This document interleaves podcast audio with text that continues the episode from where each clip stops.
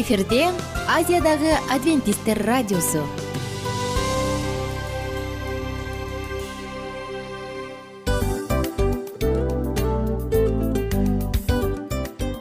Достор салют.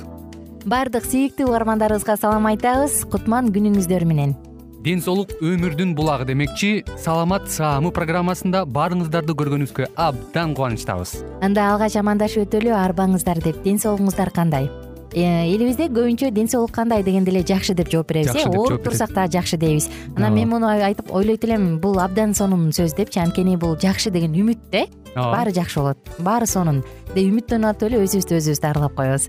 Анысы кандай? Сиздин дагы ден соолугуңуз жакшы беш деген үмүттөбүз чындыгында ден соолук бул өмүрдүн булагы деп бекеринен айтылган эмес деп ойлойм. Кыргыз элинде анткени эгерде ден соолук жок болсо анда адамдын жашоосунда калган баардык керектүү маңыздуу нерселер өзүнүн баалуулугун жоготуп коет. Ошондуктан ден соолук бул эң керектүү нерсе. Ооба туура айтасың кесиптешим. Чынында ден соолугуң жок бир эки үч күн ооруп калсаң эле э кандай болуп калат? Жашоодо көз каранды болуп каласың көп нерсеге жетишпей каласың көп нерсени кыла албай каласың жада калса эшикке дүкөнгө да чыга албай каласың. Туптуура анан ден соолук болсо демек биз биздин бактыбыз тоодой деп койсок болот. Анда достор саламат саамы рубрикабызды баштайлы. Алдыда өзүңүзгө керектүү болгон сонун кеңештерди уга аласыздар. Мына ошондуктан биз менен бирге болуңуздар. Ал эми биз болсо милан жана айнура. Кеттик алга. Алга саламат саама ден соолуктун жарчысы. Саламат саама ден соолуктун ачкычы. Күн сайын сиз үчүн мыкты кеңештер сонун жаңылыктар кызыктуу фактылар биздин рубрикада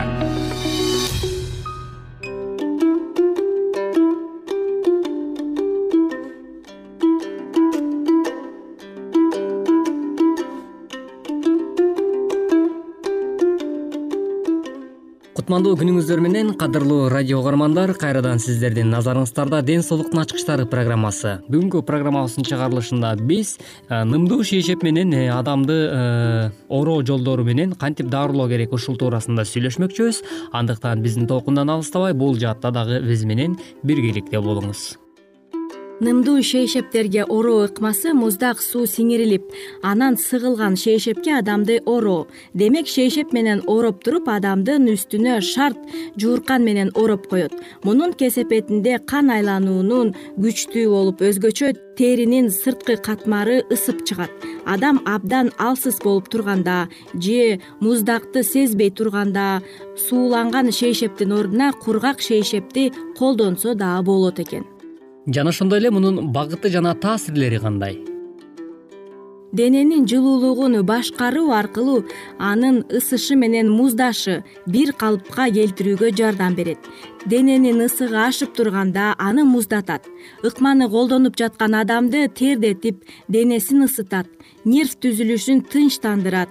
Дененин ички мүчөлөрүнө керексиз нерселердин чогулгандыгынан арылууга жардам берет экен жана ошондой эле нымдуу шейшептердин адамдын ден соолугуна кандай пайдалуу жактары бар болду экен дене үшүп калганда дененин ашыкча ысыгын төмөндөтүүгө пайдалуу уйку качканда күчтүү дүүлүгүп жай таппай жатканда нервтен абдан чыңалганда жана алардын иши бузулганда гипоксияда аба жетишпегендикте жакшы жардам берет экен гипоксия болгондо нымдуу шейшепке ороо ыкмасын кылдаттык менен колдонуу керек жылууну жана тердөө маалында спирт ичимдигине же банги затка ууланып калганда подагра учурунда кургак жөтөлүп бронхит кармап жатканда мурундан суу агып же грипп болуп жатканда кори скарлатина тери какачтанып түшүп жатса жана ошондой эле баланын тиши чыгып жатканда денесинин ашыкча ысыгын төмөндөтүүгө да жакшы жардам берет экен андан сырткары дагы терс жана сактануу жолдору кандай болду экен кант диабетине жана кандын бузулушу менен коштолгон башка ооруларга каршы суук тийип же грипп болуп катуу ооруп жатсаңар терс таасирин берет. Абдан чарчап турганда адамга болбойт. Териси диатез болуп жатса дагы болбойт. Мындан сырткары керектелүүчү нерселер? Буттарды ысык сууга салуу ыкмасына керектелген баардык нерселер дагы керек болот экен. Муздак компресске керек болгондо баардык нерселер жүндөн токулган эки жапкыч эки чоң шейшеп муздак суу куюлган идиш суунун муздактыгы он беш градустан жыйырма бир градуска чейин аралыгында болуш керек. Сууну жакшы сиңирген бир чоң сүлгү ысытылган кездемеге э, кесиндилерди ысык суу куюлган резина же инфракызыл шам. Андан сырткары дагы дарылануу ыкмалары шейшепти уузунан жайыңыз. Аны муздак сууга салып чыгарып колдон келишинче жакшылап сыгыңыз. Адам жата турган жерге шейшепти жайыңыз. Анан адамга далысы менен шейшепке э, жапканга жардам бериңиз. Бетти өйдө карасын. Алдын ала ыкманы колдоно турган адамдын денесин буттарын ысытуу ыкмасын ысык душ же ысытылган сүлгүлөрдү колдонуу ыкмасын же инфракызыл шамынын жардамы менен ысытып алыңыз адам жата турган жерди же атайын колдонуучу керебетти даярдап алыңыз. Шейшепти муздак сууга салып чыгарып аны катуу сыгып ал шейшепти адам жата турган жерге төшөңүз. Ыкманы колдоно турган адам толугу менен чечиниши керек. Адамды шейшепке жаткырыңыз анын ийиндери шейшептин үстүңкү чегинен сегиз он сантиметрга ылдый болуш керек. Шейшеп менен денесин ороңуз. Ошондо четин кымтып киргизиңиз шейшеп денеге тыгыз жатканын текшериңиз. Жамбаштан ылдый буттар бирдей болот. Шейшептин чет жагы менен колдорду жана буттарды ороп анан денесин ороңуз шейшептин ичинде жел э, жүгүрүп жатпаганын текшериңиз. Өзгөчө моюн жана колдорун жакшылап кымтып жааңыз токулган жапкычты алып четин жаткан адамды бир жагынан оң ийининен колунан жана бутунун алдынан тыгыз киргизиңиз. Ошол токулган жапкычтын үстүнөн ороп башка чейин сол жагынан тыгыз киргизиңиз. Буттары жакшы оролгонун текшериңиз. Эгер зарыл болсо сүлгүгө оролгон ысык суу коюлган резина ысыткычты буттарын алдына коюп койсоңуз дагы жакшы болот үстүнөн адамды дагы бир кошумча журкан менен жаап коюңуз. Төмөндө сунуштала турган ыкманы өткөрүүнүн эрежелери менен мисалды нымдуу шейшепке ороо ыкмасы колдонуп жатканыңызда сиздин жетекчиңиз болушу керек. Бул ыкманы аягына чыкканда адамдын денесин муздак кол каптар менен сүрткүлө. Ыкма таасирине жана убактысына жараша бөлүктөргө бөлүнөт. Биринчиден муздак түрү. Дененин ашыкча ысыгын төмөндөтүү үчүн адам шейшепке жыйырма мүнөткө жакын жеңилдикте көңүлүн көтөрүңкү сезимде оролгон жакшы. Ошондой түрү ыкма бир саатка жакын же эгер адам уктап калса ойгонгонго чейин колдонулат. Үчүнчү түрү бул ысытуу түрү. Ыкманын бул учурда адам тердей баштаганына башталат тердей баштагандан кийин адам бир эки саатка чейин оролуп жатса төмөндө сунуштала турган ыкманын өткөргөн эрежелери менен мисалдары нымдуу шейшепке ороо ыкмасын колдонуп жатканыңызда сиздин жетекчиңиз болушу керек.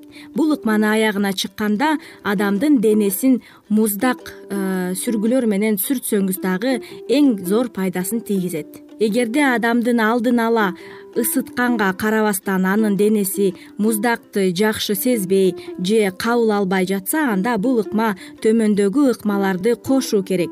Мисалга орточо ысыктыкта ороо керек жана ысытуу түрүн кошуңуз урматтуу угармандарыбыз ушуну менен бизге бөлүнгөн убактыбыз дагы өз соңуна келип жетип калды. Бүгүнкү программабыздагы кеңештер сиздин э, жашооңузда жакшы бир таасирлерин берип жаткан болсо анда биз дагы өзүбүздүн максатыбызга жетип жатабыз деген ишенич менен бүгүнкү программабыздын көшөгөсүн жапмакчыбыз.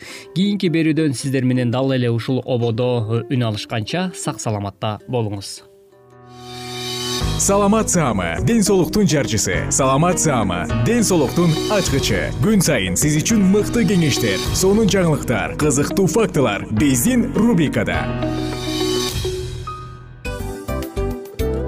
Салют замандаштар баарыңыздарга ысык салам. Дил маек программабызга кош келиңиздер. Дил маек рубрикасы дегенде эле бул эмне болгон дил маек ким менен маектешебиз деп сурайт болуш керек угармандарыбыз бул рубриканы кыскача тааныштыра кетип турган болсок ар тарап кесип ээлеринен болгон сонун интервью кеңештер бар. Ооба. Жылдыздар менен болгон маек бар. Аталарыбыздын агаларыбыздын чоң аталарыбыздан сонун кеңештер бар. Ошондой эле эже сиңдилердин кеңештери бар айтор. Баардык кызыктардын баары алдыда. Негизи эле адам баласы бир кимдир бирөөнө ишенип сырын ачкысы келет эмеспи э мындай баарлашууга жакын келебиз го? Албетте.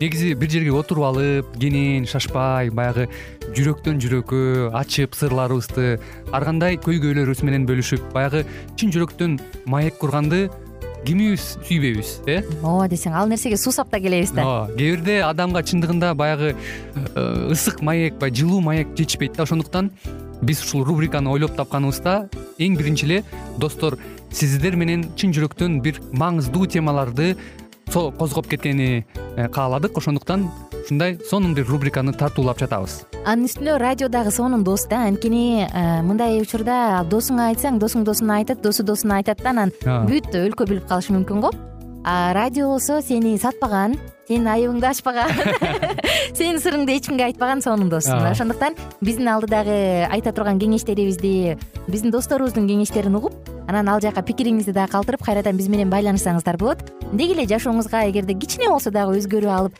моралдык жактан нравовдук жактан сонун бир кеңештерди алсаңыз демек биз максатыбызга жеттик. Ооба.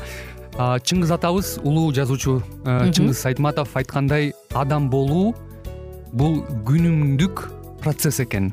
Күн сайын адам бойдон калуу бул адамзатка эң эле кыйын дейт э? э эң кыйын дейт. Чындыгында бунун э, негизинде адамдын эң баягы сапаттуулугу адамдын э, адамгерчилиги жана көптөгөн керектүү нерселер мына ошол темалар дагы бизде э, ушул дил маекте биз аларды да козгойбуз. Э, ден соолук жөнүндө да сүйлөшөбүз. Сөзсүз түрдө.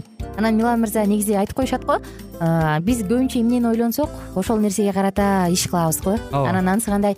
Балким бул радио баракчада кимдир бирөөнүн оюн текшергенге жардам берет кимдир бирөөнүн жүрөгүн текшергенге жардам берет. Балким кимдир бирөөгө жашоонун маңызын тапканга жардам берер. Айтор кызыктын баары алдыда бул жөн гана кыскача жарнама анда угармандарыбыздын баардыгын кийинки рубрикабызга чакырабыз. Ал эми кызматта маңдайымда отурган кесиптешим милан жана мен айнура. Анда эмесе биз даярдаган терең терең ойлор менен таанышууга кеттик. Алыс алыс баралык. Анда эмесе достор биз менен бирге болуңуздар. Алдыда эң кызыктуу маалыматтардын баардыгы бир нече мүнөттөр бою жалгыз гана сизге арналат мына ошондуктан жакшы маанай менен угууну каалайбыз. Үн алышканча жөнөдүк.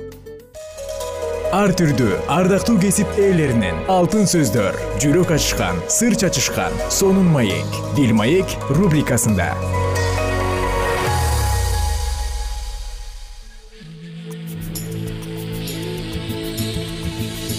ассалому алейкум кадырман радио угармандарыбыз кайрадан сиздердин назарыңыздарда кыргызстанга саякат программасы. Бүгүнкү программабыздын чыгарылышында кымбаттуу угармандар кайсыл тарапка саякатка биз менен биргеликте барабыз деп турган болсоңуздар анда нарын э, областында жайгашкан таш рабад комплексине саякатка бирге бармакчыбыз. Анда эмесе биздин толкундан алыстабай биз менен биргеликте болуңуздар. Ошондой эле нарын облусу табияттын көркөмүнө бай кыргыздын көптөгөн тарыхый сырларын катат эс алууңуз үчүн жаратылышы укмуштай кооз жерлерди тандап аларга жетүүнүн жолдорун кайда түнөп кандай тамак ичериңиздердин баарын алдын ала билип алыңыз. Сизди нагыз көчмөн жүрөктөр күтүп турат. Нарын облусу өлкөнүн эң суук аймагы. Ак сай өрөөнүндө кышында абанын температурасы минус элүү үч градустан ашкан. Ал эми жайкысы калктуу пункттардын ичинде жылуу бирок тоолордо каар жаашы ыктымал ошол себептен сөзсүз жаныңызга жылуу суу өткөрбөс кийим күндөн калкалоочу бет май жана көз айнек алып алыңыз. Облус борборунан нарын шаарында акча алмаштырып же банк картаңыздан накталай акча алып алыңыз. Бирок чет жакасында бул кызматтар анча өнүккөн эмес. Андыктан аталган жайларды же банкомат көрөр замат алмаштырып дайындап алыңыз. Нарын облусундагы банкоматтардын жайгашы тууралуу каржылык порталдан маалымат табууга болот. Нарын аймагы чынында көчмөн турмушунун баардык жакшы нерселерди өзүнө камтыйт. Бийик тоолуу жайыттар ат менен сейилдөөгө ылайык учу кыйры жок түздүктөр жана тоо койнундагы көлдөр соң көл жана көл суу. Көлдөрдүн жээгинен бейиштин төрүндөй жерлерге кабыласыз таш рабад таш рабад бул уникалдуу архитектуралык эстелик болуп саналат. Он бешинчи кылымга таандык. Кербен сарайы болуп аталат. Бишкек шаарыбыздан тартып беш жүз жыйырма километрди түзөт. Нарын шаарынан тартып жүз жыйырма беш километр. Ат башы районунан тартып токсон километр. Нарын торгарт автомобиль жолунан он сегиз километр. Түштүк тарапта нарын облусунун кара коюн деп аталган эң кооз капчыгайында деңиз деңгээлинен үч миң эки жүз метр бийиктикте жайгашкан. Таш рабад кыргызстандын он бешинчи кылымына таандык эң башкы архитектуралык ажайып жайларынан болуп саналат. Орто кылымдарда улуу жибек жолунда ташрабад чеби кербен сарайдын кызматын аткарып соодагерлер менен саякатчылардын дайыма токтоп өтүүчү жайы болуп саналган. Ташрабад ошол эле алыскы мезгилде чүй жана фергана өрөөндөрүнүн кашкар менен байланыштырып турган соода жолунда жайгашкан. Мергенчилер менен малчылар үчүн да бул таш сарай адаттан тышкары курулуш болуп ал жөнүндө ар кандай байыркы уламыштар эл оозунда айтылып келүүдө. Ташрабаддуу окумуштуулар он тогузунчу кылымдын аягында жана жыйырманчы кылымдын башында гана жакшылап изилдеп башташкан. Алар бул комплекстин маданий жагын жана анын эмне үчүн курулгандыгын ар түрдүү жоорушат айрымдары ташрабаддын курулушу орто кылымдын акырында туура келет дешсе башкалары муну онунчу он биринчи кылымдарга курулган христиандык нестериандык монастырдын урандылары деп айтышкан. Бир миң тогуз жүз сексенинчи жылы өлкө үчүн өзгөчө тарыхый мааниси бар. Бул маданий эстеликти реставрациялоо жүргүзүлгөн. Реставрациядан кийин ага ар түрдүү өлкөлөрдөн туристтер тынбай келе башташкан ташрабаддын курулуш тарыхы карама каршылыктуу. Документтерге ылайык ал жергиликтүү башкаруучу махамед хандын буйругу менен курулган. Бирок көп жашаган карылар башка уламышты айтып келишкен. Ташрабадды атасы менен уулу курган. Курулуш аяктап калган кезде куполго гана акыркы ташты коердо алыстан кербен көрүнөт уулу ишин таштап коюп ким келе жатканын карап көргөнү жөнөйт. Атасы болсо адегенде жумушту бүтүр балам деп айтат. Уулу укпастан кете берет да кайра ошол бойдон кайрылып келбей калат. Көрсө кербен менен кошо ай чырайлуу сулуу кыз келе жаткан болот. Ташрабад ошол бойдон жабуусу жок турат. Нарын областында мына ушундай адаттан тыш архитектуралык эстелик бар ташрабадтан кызыктуу жол жүрүп ашуу ашып бийик тоодогу дагы бир кооз көлгө чатыр көлгө барсак болот. Тарыхы. Ташрабадта борп ордук теңир тоо аркылуу өткөн улуу жибек жолунда кербенчи саякатчылар жана башкалар тээленген ташрабад жөнүндө алгачкы жолу он алтынчы кылымдын экинчи жарымында мухаммед хайдар эскерип эстелик бир миң төрт жүз сегизинчи он алтынчы жылдары курулган деп эсептейт. бир миң сегиз жүз элүү тогузунчу жылы чокон валиханов төмөндөгүчө баяндайт. Имарат чополу сланец жалпак плита таштардан курулган.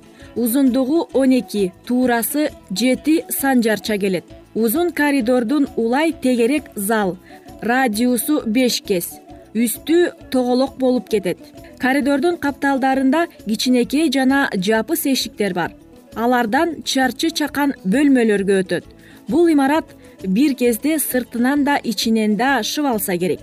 Бир миң тогуз жүз кырк төртүнчү жылы берштам жетектеген тяньшан алай археологиялык экспедициясы ташрабадты изилдеп аны кербен сарай деп эсептеп имараттын архитектурасына көчмөндөрдүн күчтүү таасири тийгендигин айтып ташрабад өзүнчө бир жасалгалуу боз үйдү тегеректеген көчмөндөрдүн таш болуп катып калган айылы сыяктуу элес берет деген кадырман угармандар мына ушинтип бүгүнкү берүүбүздө дагы биз э, дал ушул кыргызстанга саякат берүүбүздө нарын областынын э, ат башы аймагында жайгашкан ташрабадка саякатка бирге сапар тартып барып келдик.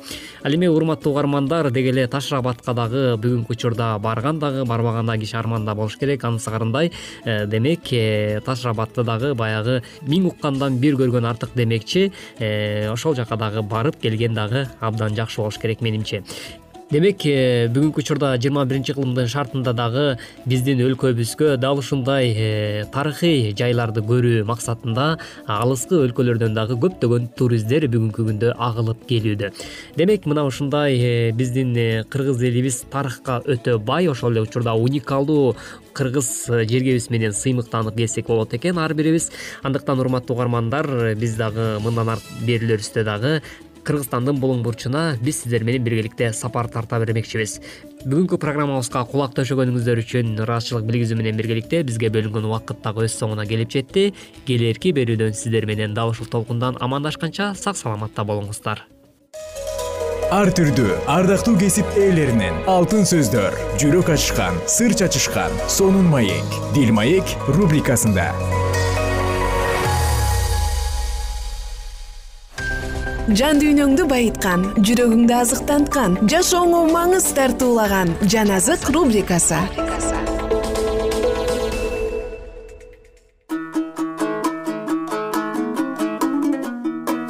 Салам достор. Кутмандуу куш убак күнүңүздөр менен айымдар жана кымбаттуу мырзалар. Сиздер менен бирге улуу күрөш китебин улантабыз. Чындыкты кабыл алууга суусаган адамдардын үстүнө рух какыраган жерге жамгыр тийген сыяктуу түшкөн. Өзүнүн куткаруучусунун бетме бет көрүүгө үмүттөнгөн адамдар боолуп көрбөгөндөй кубанычка ээ болушкан. Сооротуучу жана бийлик жүргүзүүчү кудайдын руху жүрөктөрдү башкарды жана анын алкыштары чындыктын ишенимдүү катышуучуларынын үстүнө ашыгы менен төгүлдү. Бул кабарды кабыл алгандар ошол күндүн жакындашына этияттык менен даярданышып теңирге жолугушууга үмүттөнгөн күнгө да жакындашкан. Ар бир аткан таңда алардын алгачкы милдети кудай кабыл алды бекендигине ынануу болчу. Алар баары бирдикте бири бири үчүн чын жүрөктөн сыйынышкан. Кудай менен баарлашуу үчүн алар ээн жерлерге барышкан жана талааларда тоолордо ырайым жөнүндөгү сыйынуулар асманга угулуп турду жердеги зарыл нанга караганда куткаруучунун кубаттуусу алар үчүн зарыл болгон жана алардын жүрөктөрүн бир нерсе капаланткан болсо алардын жүрөктөрүнө кайрадан тынчтык орномоюнча алар тынч ала алышкан эмес. Өздөрүндө баарын кечирүүчү ырайымды сезгендиктен алар өздөрү абдан сүйгөндүн өзүн көрүүнү самандашкан. Жана кайрадан аларды көңүл калуулар күтүп турду белгиленген мөөнөт өтүп кетти. Бирок куткаруучу көрүнгөн жок. Анын келишин алар ишеним менен күтүшкөн. Жана эми болсо алар мария кабылган абалга кабылышты. Ал дагы мүрзөгө келип кепиндин ачык калганын көрүп ыйлап мындай деген. Менин теңиримди алып кетишти. Аны кайсыл жака койгонун билбей жатам жазган жыйырмачынчы бап он үчүнчү аят. Бул кабар балким чындык болуп калбасын деп саксактап корккондуктан мезгил бир нече убакытка чейин ишенбеген адамдарды кармап турду. Качан белгиленген убакыт өтүп кеткенде алар дагы бул сезим шыр эле жок болуп кеткен жок. Башталышында алар машаякты күтүшкөн адамдардын көңүл калууларына салтанат кура алышпады. Бирок кудайдын каарынын бир дагы белгиси болбогондон кийин алардын саксактыгы жоголду. Жана алар кудайдын ишенимдүү уулдарын шылдыңдап кордоолору башталган бир канча убакыт мурунураак машаяктын келишине ишенебиз деген адамдар өз ишенимдеринен баш тартышты. Өзүнө көбүрөөк ишенгендерди өз текебердигинде уялышып бул дүйнөдөн качып кетүүнү каалашкан. Жунус пайгамбар сыяктуу алар теңирди пайгамбар сыяктуу алар теңирди айыпташып өз өлүмдөрүн тилешкен. Ал эми өз ишенимдерин кудай сөзүнө эмес бирок кимдир бирөөнүн оюна негиздегендер эми кайрадан өз ойлорун өзгөртүүгө даяр эле. Кудайга акарат айтуучулар өз тараптарына алсыз жана коркок адамдарды тартышып эми эч кимди күтпөйбүз жана күтө турган эч ким жок деп баса айтып жатышты. Убакыт өтүп кетти. Ал эми теңир келген жок. Жана дүйнө башта кандай болсо дагы миң жыл ошондой тура берет чыныгы ишенүүчү адамдар машаяктын ысымынан бардыгына кайрымдуу болушту. Жана баштагысындай эле анын жакындыгын сезип турушту. Акыркы эскертүүнү бул дүйнөгө жарыялагандан кийин өзүнүн куткаруучусу жана ыйык периштелер менен жакында жолугуша тургандыгына үмүттөнүштү. Жана бул кабарды кабыл алууну каалабаган топтон алыстоого аракет кылышкан. Алар чын жүрөгүнөн мынтип сыйынышкан. Кел ыйса теңир батыраак кел бирок ал келген жок. Эми кайрадан үстүлөрүнө турмуштагы кыйынчылыктардын оор жүгүн алып жана шылдыңдарды жемелерди баштан өткөрүп жана бул дүйнөнүн акылсыздыктарына чыдоо керек. Алардын ишеними жана чыдамдуулугу чындыгында коркунучтуу сынакка кабылмак.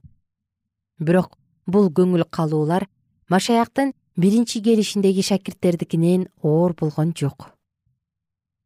Качан ыйса салтанат менен иерусалимге кирип бара жатканда шакирттер аны эми дөөттүн тактысына отуруп израилди баскынчылардан бошотот деп ойлошкон. Текебер үмүткө жана кубанычтуу мезгилге толукушуп алар өз падышасына өтө чоң урмат сый көргөзүүгө аракет кылышкан. Көпчүлүгү килемдин ордуна анын алдына өз кийимдерин төшөгөн башкалары болсо пальма бутактары менен желбиретишип ага сый көргөзүп жатышты кубанычка толгон адамдар минтип үн жаңыртып жатышкан. Дөөттүн уулуна асанна. Жана ачууланган жана тынчсызданган фарисейлер ыйсадан шакирттериңди үндөбөгүлө деп айт дешип талап кылганда ал мындай деп айткан. Эгерде алар үндөбөй турган болушса анда мындагы таштар үн жаңыртышат. Лука он тогузунчу бап кыркынчы аят. Пайгамбарлык орундалышы керек болчу шакирттер кудайдын эрки боюнча иш жасашты бирок аларды катуу көңүл калуулар күтүп турган. Бир нече күн өткөндөн кийин эле алар өз куткаруучусунун өлүмүнө жана анын көмүлүшүнө күбө болуп калышты. Эми бир дагы жакшы максат жана үмүт аткарыла албайт жана алардын күтүүсү машаяк менен бирге өлүп калды. Бир гана машаяк жеңиштүүлүк менен мүрзөдөн чыккандан кийин гана болуп өткөн нерселердин бардыгы пайгамбарлыктарда айтылгандыгын алар билип калышты. Машаяк азап чегип жана өлгөндөн кайра тирилүү керек. Элчилердин иштери он жетинчи бап үчүнчү аят. Бул окуя боло электен беш жүз жыл мурда захария пайгамбар аркылуу теңир мындай деп айткан. Кубанычтан шаттан сион кызы салтанат кур иерусалим кызы мына сенин падышаң адилеттүү жана куткаруучу жоош көңүлү менен ургаачы жана жаш эршекке атап айтканда унаа эшегинин балаасына минип сага келе жатат. Ыйса сотко жана өлүмгө бара жаткандыгын шакирттер алдын ала билишкенде бул пайгамбарлыкты орундатууга алардын күчү дагы жетмек эмес. Ошол сыяктуу эле миллер жана анын жактоочулары дагы пайгамбарлыкты аткарышып кудай сөзүндөгү дүйнөгө таандык кабарды таратышты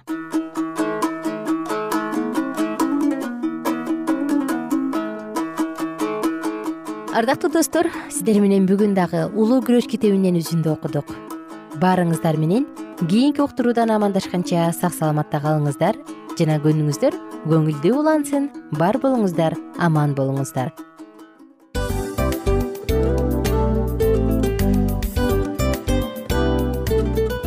Мына ушинтип убакыт дагы тез өтүп кетет экен. Биз дагы радио уктуруубуздун аягына келип жеттик келип кубандырдыңар эми кетип кубандыргыла деп тамашалап калышат эмеспи? Анысы кандай?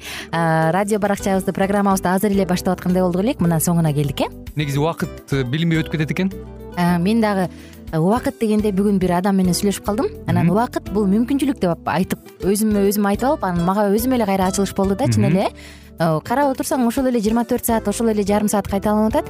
Бирок сендеги мүмкүнчүлүк жок ошол кой берилип кетти? Анысы кандай? Бүгүнкү сонун убактыңызды алтындай болгон жарым саатыңызды бизге бөлүп арнаганыңыз үчүн ыраазычылык айтабыз. Анан жашооңуздун кайсы бир сферасын өзгөртө турган сонун пайдалуу кеңеш алган болсоңуз анда биз максатыбызга жеттик. Анан ушул нерсени кылбасам десеңиз ошол өзгөрүүлөрдү кичинекей кадамдардан баштап иш жүзүнө ашырыңыз дагы жашооңузда чоң чоң ийгиликтерге жетиңиздер чын жүрөктөн ар бир берилген кеңештер сөздөр сиздерге пайдасын алып келет деп ишенебиз. Жана кийинки уктурууларда сөзсүз түрдө чыдамсыздык менен сиздерди күтөбүз. Сагынычтуу салам айтып кайрадан дал ушул жыштыктан баардыгыңыздарды тосуп алганча. Кызматта мен айнура жана кесиптешим милан анда кол булгалайбыз жалпыңыздарга ийгиликтүү күн. Саламатта калыңыздар